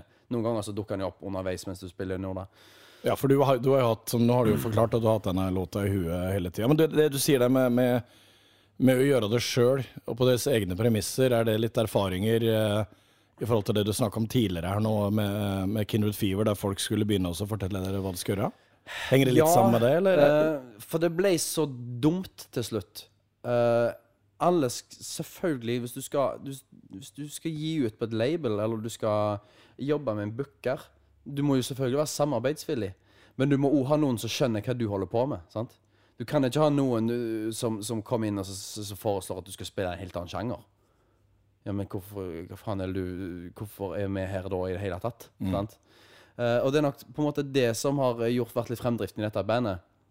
Uh, nå gjør vi det som vi vil. Ja. Og så hvis noen vil være med på det, så er det helt rått. Men, eh, men du sier det er videoene òg. Videoene står du hovedsakelig bak, gjør du ikke det? Jo, det, Eh, det ligger en del ute på YouTube for de som har lyst til å sjekke ut uh, har vi der. det, det, det er jo noe vi syns er humor å lage. Hva er tanken bak videoene? For det er en liten, det er en liten tråd i de. Det er nok bare det at uh, Hei, det trenger ikke være så forbanna seriøst alltid. Dette, dette er videoer, sant? Og du har en sånn skrollekultur scrollekultur nå. På Facebook er jo der folk ser videoene. Eh, vi har de på YouTube òg, men det er jo ingen som, ingen som ser de der. og du sitter på Facebook med tommelen din og blar og blar og blar. Og hvis du har noe som eh, du har brukt 20 000 kroner på da på å lage en video, og så skal folk bare scrolle forbi, hva er poenget da? da? Nei, da tar du, ok, Nå har vi mobiler med kamera her, kan vi ikke bare lage video sjøl og det? Og det er jo det vi har endt opp med gjort. Men stilen blir litt, er litt retro-stil på ja, det det? blir jo det, da. Det bare blir, Istedenfor å legge skjul på at uh, vi ikke har det beste av utstyr, så kan vi heller bare framheve det, da. Hei, dette her er skit. Se på dette heller. Ja, men det, det, da vil jo fremdeles at det skal bli en bra utgave av det Ja. skitet, som du kaller det. ja, eh, Litt 80-tallsstil på det, eller? det er litt sånn VHS-kulturen. Ja. Litt sånn nostalgisk eh, på den fronten der. Og så satt jeg også og gjorde med sånne gamle hjemmevideoer eh, digitale for eh, foreldrene mine for eh, halvt år, års tid siden. Så fant jeg bare sånne gamle klipp av meg og sånn, så det har blitt en video med det. Og Men- gått eh, Men henger det sammen nostalgia fra skatetida, da? Ja, og det er jo det som De kommer videoene du så da? Ja, kommer frem i altså, Suksess, som er en låt som er litt sånn halvveis personlig, halvveis ikke. Og teksten gjenspeiles kanskje litt i videoen igjen der, da. Så den er jo kanskje Der er det innspill med Det er jo, det er jo, det er jo ikke en seriøs video, men det er kanskje en seriøs sang igjen, egentlig. Uh, og der ser du jo Der gjenspeiler jo en i i låter som Skateboarding, som har en video på. uh, der er det sånne gamle klipp med litt og sånn. Det er gøy- å lage videoer, men ta det ikke seriøst, egentlig. Du snakka om det med at beaten var eh, viktig for deg nå. Da tenker jeg vi skal få et veldig godt eksempel på det. Her er uh, Bubblegum.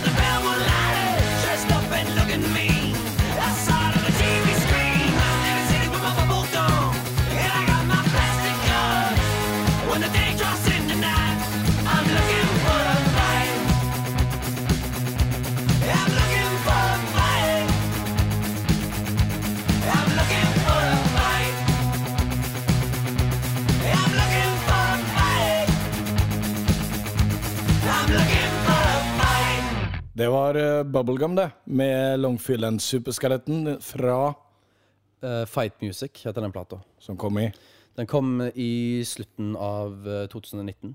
Oktober.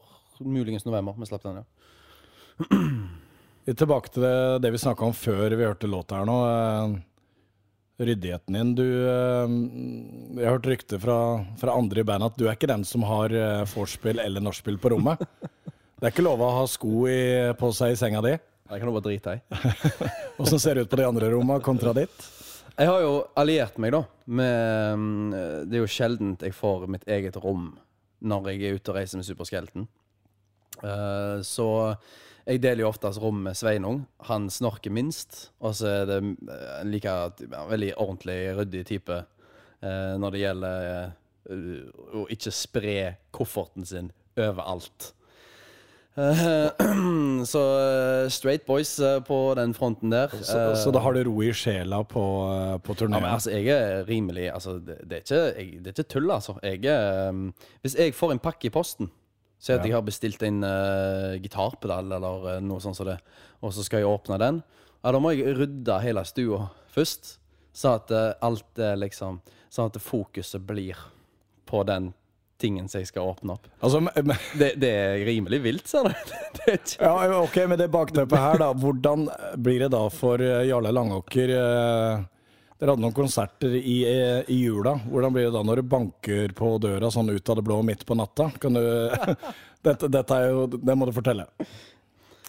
Ja, det var begivenhetsrik jul på mange måter, egentlig.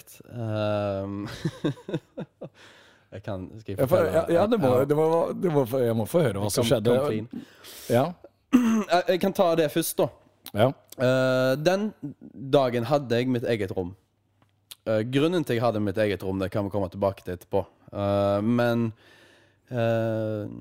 Spilte konsert. Uh, Checkpoint Charlie andre juledag Stavanger. Stavanger. Mm. flott, fin, fin kveld.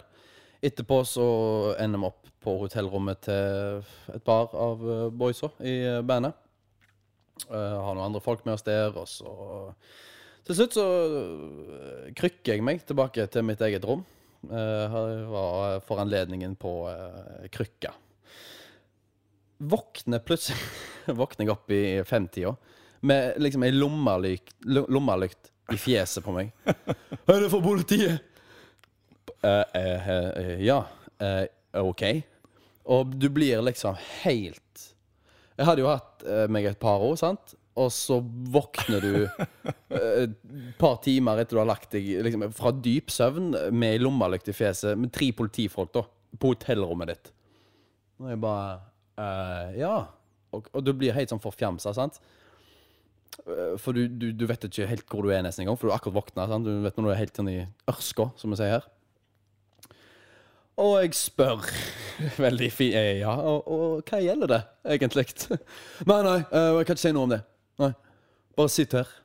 Det er bare jo herlighet. Oh, hva er det som skjedde nå? Nå har de andre gått ut igjen, de, tenkte jeg. Ja, Altså- de, andre, de andre i bandet? Ja, jeg, jeg tenkte jo herregud, det ha skjedd noe med deg? Ja. For hvorfor ellers skal, skal de inn her? Og så spør jeg, da, for de var aggressive. Så sier jeg ja, jeg, hva jeg hadde gjort i dag.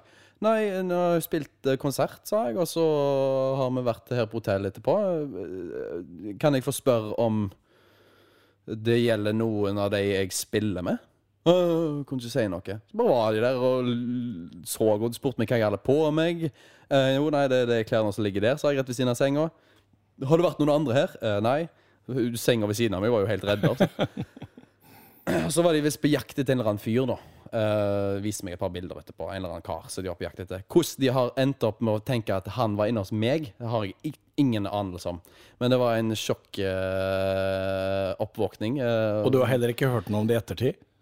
Nei, jeg har ikke hørt noe. Jeg har ikke peiling hva det var. Men det var jo ekstra eh, spennende i ei allerede spennende helg, da, fordi eh, jeg eh, For eh, Off offisielt, så du, Jeg har sett bilder der du går med stokk. og- Offisielt, Espen, så hadde jeg dårlig rygg i Ja. jula. Men Uoffisielt så var det hem sånn, sånn, sånn, så var det ei hemoroide. Oi. Og det er det verste jeg noensinne har vært med på. Jeg, um, hver jul så, så, så er jeg hjemme hos eh, foreldrene mine to-tre dager. Og så uh, har jeg lagt meg om en tradisjon at jeg er frivillig for Kirkens Bymisjon på dette her um, som de gjør for byens løse fugler. da. De kommer så og spiser Ja. julemiddag. Så var jeg der på julaften, og så liksom kjenner jeg Oi. Her Her var er- det Det er noe som ikke stemmer. noe som ikke stemmer. Uh, neste dag våkner jeg opp, uh, første juledag, med den verste smerten jeg har opplevd. Og jeg har skada meg mye på skateboard og forskjellige ting. Dette her var noe annet. Og um, jeg går opp til Da sover jeg jo på gamle gutterommet, da. Kommer opp, og så sier jeg eh, Ja, vet dere hva jeg fikk til jul, da? Nei, hva fikk du til jul? He- Hemoroider, sa jeg. og faren min han jobber i Nordsjøen, så han skulle reise den dagen. Så han, jeg var, lå jo bare på benken hele dagen og så så på TV. liksom. Jeg var, jeg var helt immobile, liksom. Og, og mor mi hun kjører far min på bussen så han tar til Stavanger og reiser, og så kommer hun tilbake igjen. Når mor di, når du er 29 år gammel, foreslår Skal jeg gå på apoteket og kjøpe en krem til deg? Da er du ikke mye høy i hatten. Og når du sier ja, ja, jeg tror det er best. Da, Ja, men det er godt, å, God jul! godt med omsorg fra mor og far. Natt til andre juledag så var jeg såpass Jeg var kvalm, svetta. Alt på grunn av dette her greiene her. Det er det verste jeg noensinne har vært borti. Um, jeg har ikke lyst å på en måte hoppe helt fram i detaljer her. Nei, det jeg- trenger det, men, det, det holder nok med men eh, våkna opp heldigvis med litt Litt sånt eh, optimisme. Og fordi hele natta tenkte jeg jeg må jo bare avlyse i morgen. Jeg, jeg kan ikke reise ned. Og så fikk jeg noen krykker, da, og så kjørte vi ned. Og bare jeg snakket, så gjorde det jo vondt.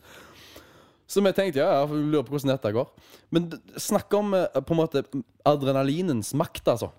For når du kommer på scenen der Jeg gikk jo på scenen med uh, halta, sant? Men etter et par låter, hvordan du bare Smerten, du bare glemmer den, fordi adrenalinet kicker så ekstremt i gang at folk må jo ha trodd at det der må ha vært skuespill eller noe sånt. Og, og alle, alle som jeg treffer på, spør jo hva, hva, hva som skjedde her? Hva, hva, kan du spille, eller? Ja, jeg er bare litt dårlig i ryggen. Og dette må jo hele bandet høre på hele dagen, hvor jeg står og lyver folk. Ja, nei, jeg har bare vondt i ryggen. Og det hele tida, sånn. Ja, men du, du sier dette med adrenalin, uh, produsere endorfiner, for det, det må du ha gjort. For det er tredje juledag i Haugesund, så er det noe som er hvert år uh, Det kalles uhøvla julegarp, og det går, det er en tradisjon. Der så jeg annet dere på scenen. Uh, det så ikke ut som det hadde så veldig mye vondt uh, nedentil, uh, bakentil, holdt jeg på å si da. Du eh, ringte meg jo faktisk den dagen der, fordi eh, du så vi skulle spille. Og så, ja, hva tid går dere på, eller det var et eller annet sånt du skulle høre om. Og så snakket vi jo litt, og så sa jeg det, jeg er dårlig i ryggen. Og så da begynner, da begynner jo du med en gang. Ja, ja, men det var eh, FKH, vi har jo sånn en eh, Hva var det dere hadde? Nei, jeg lurte på om jeg kunne Sånn fysioterapeut, Ja, eller? eller om jeg skulle kontakte fysio eller kiropraktor. Ja, eller, ja, eh, Dere får han til å komme opp til det med en gang. Dere får han til å Nei, nei da, det går fint. Ikke tenk på Og jeg må komme ned på høvleriet i Haugesund, sant? masse kjentfolk, og forklare gang på gang, og løgnen blir bare større og større og større.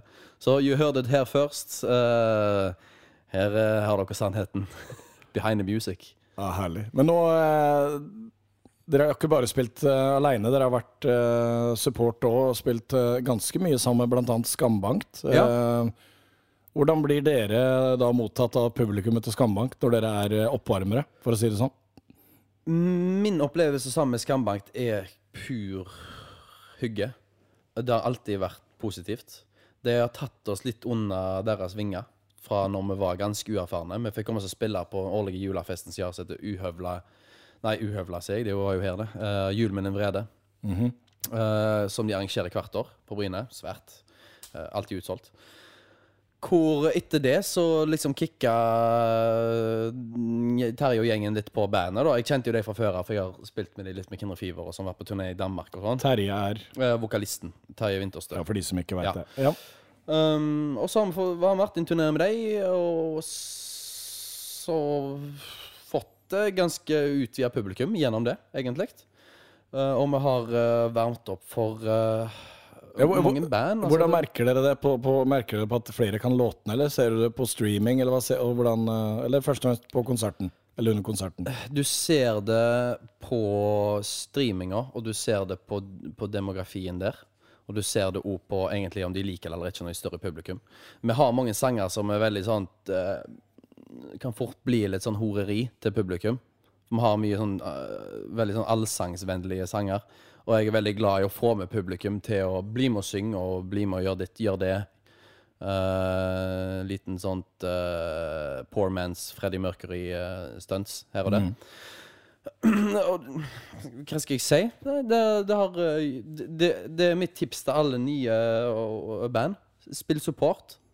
Eh, det fins ingen bedre måte, syns jeg i hvert fall, å nå ut til nye folk som kanskje ikke hadde gidda gått på konserten din ellers, fordi de aldri har hørt om deg. Og konsertkulturen i mange mindre byer er så å si død. Folk går ikke og ser noe som de ikke helt vet hva er. Men dere var òg support eh, sammen med Skambankt eh, for Bon Jovi Ja, da var faktisk Skambank der, det òg. i Stavanger på Vikingstadion. Det er en eh, litt større arena enn vanlig. Hvordan var det å spille på en eh, så stor arena? Det var eh, noe annet, altså. Eh, På hvilken måte? Altså Bortsett fra at det er veldig mye Men større. hvis du ser, hvis du ser konsertklipp fra stadioner og sånt, sant? så ser du ofte at publikum er så langt, de er så langt vekke. Ja. Og da har jeg alltid tenkt herregud, det, det er sikkert vilt å spille for så mange folk, men hvordan hadde jeg passet inn der, som er så oppe i publikummet? Og det var nok det jeg ikke likte så mye med det, kanskje. At det, det, det, det ble så upersonlig. Uh, og så fremst så hadde du disse Die Hard Bon Jovi-fans òg. Ja. Var- Eh, som har betalt det- ja. tusenvis av kroner for billetten for å stå i dette som de kaller golden circle, eller whatever. da. Ja, det det. Og de er jo veldig sånn OK, ja, det er greit dette, men uh, let's move on. Uh, og uh, Men eh, 20-30 meter bak der igjen, og så har du jo de, det vanlige publikummet, som hadde jo mye mer respons i, igjen. Så det var sånn bittersweet. Det var jo bare fantastisk, egentlig, å stå der og synge for så mange tusen mennesker. Synge, det er jo å ta hardt i når det gjelder meg, men eh, det, det, å stå der i hvert fall ja, og spille hørt, vi har hørt tidligere i programmet at du kan synge. men, men, ja, men jeg fikk, men, jeg fikk ta det litt mer Fordi Terje spurte meg om jeg kunne Altså Vinterstø i Skambank og spurte om jeg kunne spille kassagitar på et par av låtene deres. Som de har. De har et par sånn litt mer uh, balladete sanger.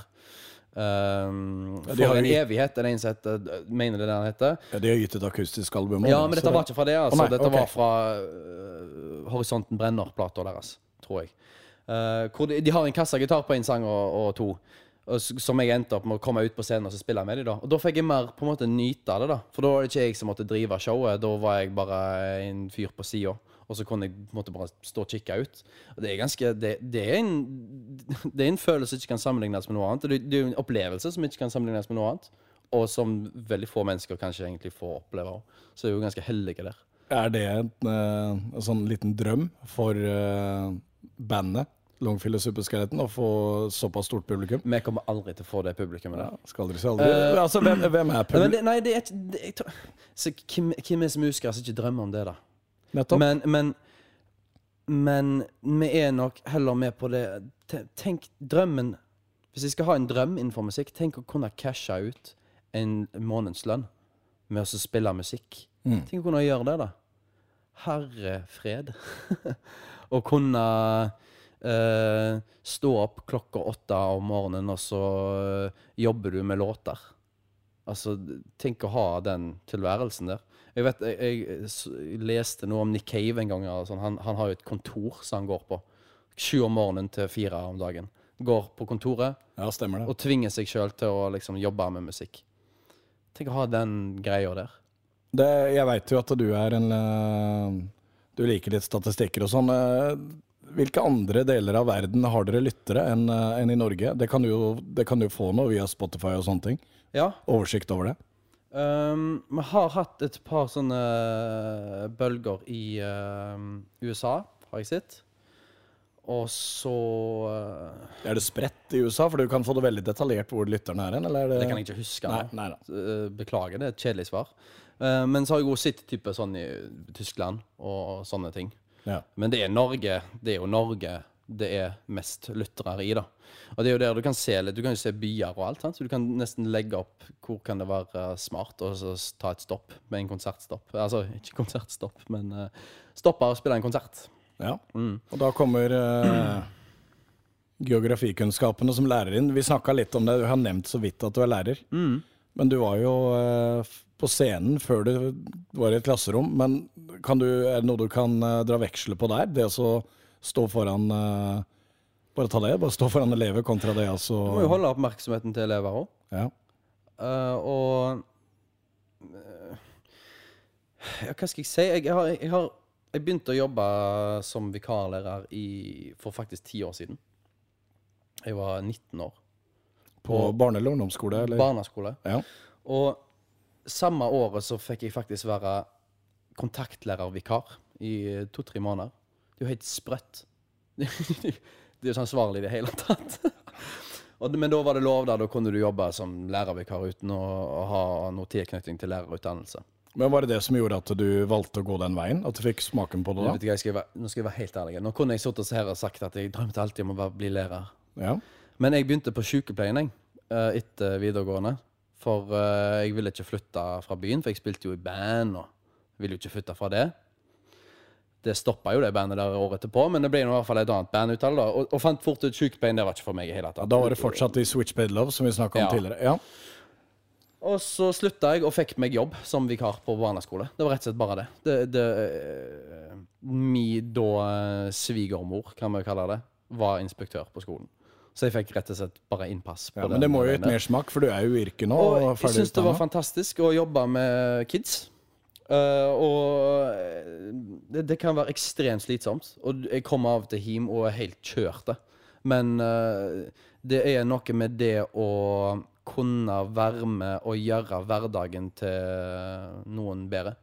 Og, og være med å forme Eller være med å vise dem at du kan ta dine egne valg. Du og, og vise at kunnskap er kult. Sant? Og the more you know, sant? Og ikke ha Jeg har ikke den tilnærminga hvor jeg eh, whipper de inn i eh, en eller annen sånn en rolle de skal være på skolen. Det er, så, det, det er så fint når du ser at personlighetene deres bare utvikler seg og utvikler seg, og du, de jobber De har interesser som de går dypere inn i. Jeg har elever som lærer seg japansk. Og så har jeg elever som holder på med snekring, og noen som er helt ekstreme på sånt eh, koding og sånn. Det er så kult å bare se at eh, det, de, de får, får oppmuntra hjemmefra til å dyrke noe de interesserer seg for. Og der føler jeg at jeg òg har en viktig rolle til å på en måte bare vippe de rett vei. Det som det av og til jeg tar meg å tenke i, som er utdanna lærer sjøl, er at eh, Mm. I løpet av de åra du har en klasse Nå har du, har du sjuende klasse du har. Ja, nå er jeg ikke Eh, så er du faktisk mer sammen med, med barna enn en foreldre er i, i ukedagene. Ikke sant? Tenk på det. Ikke sant? Og da har hun enorm påvirkningskraft. Og hva, Og mer, hva, hva, mer enn jeg er komfortabel med å tenke over. ja, det, det, det, det var neste spørsmål. Det var, te, eh, du reflekterer vel litt rundt det uansett? Jeg gjør jo det, men, men jeg det er på en måte å ha Jeg har et ekstremt fint miljø i mitt, i mitt klasserom, mener jeg. Og en god tone med foreldre hjemme som, som er veldig klar over hva som vi gjør på skolen. Sant? Um, um, og uh, innflytelse Vi kan snakke om det òg, men, men det som jeg på en måte Det som uh, nå, har, nå er det veldig mye som går gjennom hodet på meg. her, Ja, mye jeg vil si om egentlig dette. Men det å bare innrømme at en, han har feil, at jeg som lærer der Jeg står ikke der med alle spørsmål, nei, alle svar. Sant? Og at jeg er villig til å innrømme når jeg har gjort feil. Jeg vet om så mange lærere som ikke har det i seg. De kan ikke innrømme når de har feil. De må ha en eller annen maske når de kommer inn i klasserommet, og de må uh, kjefte, smelle for ting som ikke er vits. Kan ikke heller uh, smile og le litt ekstra? For hvis en elev i 11-årsalderen sitter og er halvveis irritert eller lei seg eller redd på skolen, hva er det lærer da? da? Hva lærer du hvis du er i den tilstanden der? Du lærer ingenting. Men hvis du har brukt eh, fem minutter av begynnelsen av dagen på å le og tøyse, kanskje det setter egentlig litt mer eh, standarden for dagen. Noe som egentlig er ganske viktig, syns jeg. Ja, så er det det å lære å, lære å kjenne elevene. Du sier jo at du, noen er- lærer japansk, noen liker å snekre. Det er Mm, eh, at du tilpasser eh, Selv om det er en klasse, så må du kjenne hvert enkelt individ òg, det er, eh, det er en viktig, det, og det er ikke alltid viktig like del av det, altså. Nei. Nei. Men uh, noe som absolutt er interessant og kjekt. Men hvordan sjonglerer du, du og de andre som uh, både er, har samboere og er familiefedre, jobber? Hvordan gjør dere dette i forhold til det praktiske når det gjelder konsertjobber nå? Er det mest helger? Og Det, det er jo, det er jo Men Konsert-Norge er jo. Ja, men konsert, Konsert-Norge er jo helger. Ja. Uh, når, hvis, vi har, hvis vi har vært på turneer, så har det jo vært ofte torsdag til søndag. Sant? Eller fredag til søndag. Så da har du kanskje en uh, ulønna permisjonsdag i uka da, på fredagen. sant? I løpet av eh, liksom, fire ukers periode da, hvor du hver fredag er sånn. Jeg har hatt et par sånn. Og jeg er heldig som har en arbeidsplass som, hvor det går an å gjøre. Mm, med litt planlegging. Uh, men så er det jo sånn, det er jo to helt forskjellige verdener, dette her, da. sant? Så det er veldig viktig for meg at når jeg ikke er på jobb, så er det ikke sånn at jeg, jeg, jeg er ikke en annen person når jeg er på jobb, men da er jeg eh, Jeg er jo en person som er skrudd til med å være med unger, sant? Ja, du viser, en, du- viser en annen side av deg selv. Gjør jo det. Ja. Mens når, når jeg står på scenen, så, så står ikke jeg og passer på hva jeg sier og sånt. Med tanke på at jeg er en lærer. Har du hatt foreldre i klassen på konsert, da? Ja, ja. Ja da. Få høre, da. Ehm, jeg har hatt til og med elever på konsert. Herlig. Uh, heldigvis var det på en akustisk konsert. Heldigvis. Ja. Men det, det, det er jo sånn Jeg snakker ikke om det jeg holder på med uh, med elevene mine. Hvis de spør, så svarer jeg. og Jeg svarer alltid ærlig. Når jeg røykte før, og elever spurte om jeg røykte, ja, sa jeg. For hva skjer når elevene ser deg stå og ta deg en uh, sigg forbi uh, kjøpesenteret, da? da sant? Hva er ordene Ja, ja. dine verdt etterpå? Um, og på samme måte, hvis de spør om jeg spiller i band, ja, jeg gjør jo det. Og så spør de kanskje hva det heter. Av og til så føler jeg for å si det, av og til sier jeg det ikke. Men de søker jo bare. De googler jo bare. sant? De kan jo navnet mitt. finner de Og så finner de kjapt ut av alt med en gang. Og jeg har elever som har eh, skrevet nei, logoen vår på soveromsveggen sin, og jeg har uh, mødre i klassen som er megafan, og uh, jeg, jeg har alltid vært litt nervøs for Hvis foreldrene finner ut hva jeg holder på med, hva tenker de da? det er bare sånn Steike. Ja, men da er vi i 2020, så nå Men, altså, det, det er Men, ja, men igjen så har jeg tenkt Men det får være deres problem. På en måte. Jeg har ikke på en måte latt det forme meg på noe vis. Uh, på musikerfronten. Jeg har ikke Kan godt være en gang og to vi har hatt noen litt eh, Kanskje en drøy idé, og to Jeg tror kanskje vi ikke skal gjøre det, sant? Men da eh, Det, det er to forskjellige verdener. Jeg prøver å skille de. Hva skjer, eh, det er sikkert Nå er vi inne på det med å, å turnere og spille. Hva skjer med Longfillen Superskeleton i eh, 2020? Det er eh, litt spesielle tider. Ja, det er jo det. Er det noe konkret eh, på gang? Um, nå skal vi i hvert fall uh, begynne å, med innspilling til neste EP-en. Constantly Bitter, som vi slipper i oktober. Og så hadde vi noen festivaler i sommer og sånt. Det er blitt avlyst. Eh, og vi har, en, vi har noen konserter booka, i teorien i hvert fall, med et band som heter The Pinkertons. Hvor er, hvor er dette hen? Um, det er Det gjorde vi en liten sånn ei eh, Det skulle være ei sånn ei uh, samarbeidsgreie.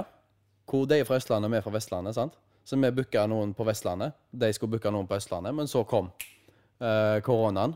Så vi har egentlig bare fått booka Vestlandet. Ja, og, Så eh, da blir det jo Stavanger-Haugesund, da.